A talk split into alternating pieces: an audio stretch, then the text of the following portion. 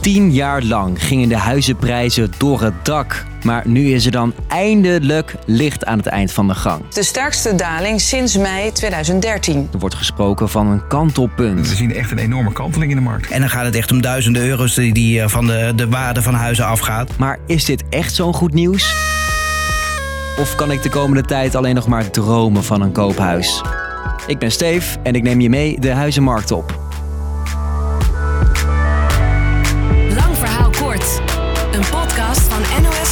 en 3FM. Oké, een lichtpuntje. Het mocht ook wel zeg, want de afgelopen 10 jaar huizenmarkt in 10 seconden. De prijzen van bestaande koopwoningen stijgen nog altijd sneller en sneller. De grootste stijging van de afgelopen 20 jaar. De makelaars zien misschien lichtpuntjes, maar de mensen ervaren dat gewoon niet zo. De woningmarkt was oververhit, of ontploft kun je misschien beter zeggen. Ja, u schrok zich rot.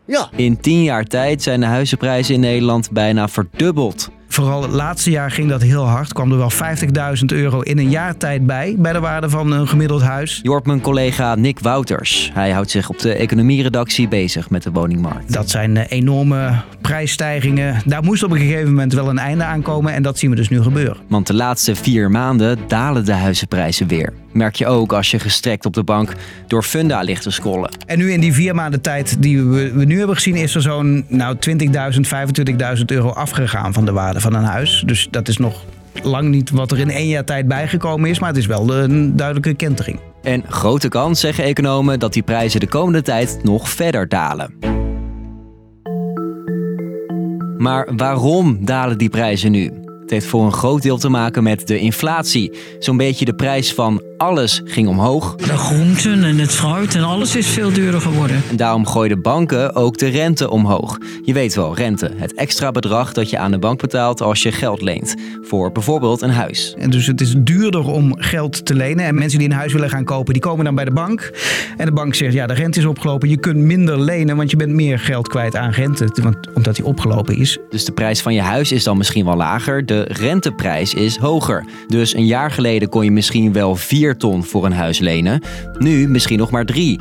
Daardoor zijn er minder mensen die een huis kunnen kopen. En zoals deze makelaar nog weet van zijn economieles, is er minder vraag, dan daalt de prijs. Dus men is minder bereid om eh, eh, eh, voor de woning te betalen. Want ze kunnen ook minder betalen en willen minder betalen. Nou, dat betekent als iemand zijn woning eh, dan toch wil verkopen, dat hij of moet wachten of met zijn prijs gaat zakken. En dat is wat je ziet gebeuren.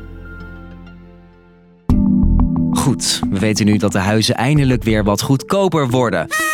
En we weten ook hoe dat komt. Maar wat moet je doen als jij Drie bezichtigingen op één dag. keihard op zoek bent naar een huis? Dat is nog niet zo eenvoudig, want door die hoge rente maak je dus elke maand meer geld over naar de bank. En dan moet je volgens mijn collega Nick ook nog rekening houden met de andere kosten die oplopen. Als je gaat verhuizen, is het duurder dan een jaar geleden. Of voor de meubels bijvoorbeeld. Of als je een nieuwe keuken wil kopen.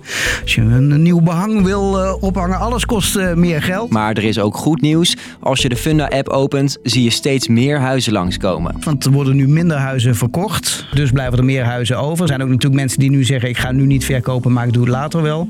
Dus het zorgt er wel voor dat er eh, straks meer huizen te koop zullen zijn. En ook is al dat heftige overbieden nu wel klaar. Er zijn minder mensen nu eh, aan het kopen. Dus je hebt gewoon daadwerkelijk minder concurrentie als je een huis wil kopen. Dat is wel het goede nieuws. Dus stel dat jij de stap wil nemen. Moet je dan nu toeslaan of kun je beter even wachten en hopen dat de prijzen nog verder dalen? Nick durft het je niet te zeggen. Iemand die zegt dat hij weet hoe de markt zich gaat ontwikkelen, die zou ik wantrouwen. Want niemand weet dat. En als je er toch voor gaat, heeft deze makelaar nog wel een kooptip voor je. Kijk dan ook dat je er wat langer kan wonen. Dus als je een jong stel bent wat net gaat werken en je gaat met je eerste spaargeld iets zoeken, zoek dan ook iets dat als er straks wellicht een kleine komt, dat je die daar ook nog kwijt bent en niet eh, per se hoeft te verkopen om weer door te stromen. Dus koop slim. Dus, lang verhaal kort. Voor het eerst sinds jaren dalen de huizenprijzen weer. Komt doordat geld lenen voor een huis juist duurder is. Minder mensen kunnen daardoor een huis kopen, waardoor de prijzen dalen. Maar of dit nou een goed moment is om een huis te kopen, dat is niet te voorspellen.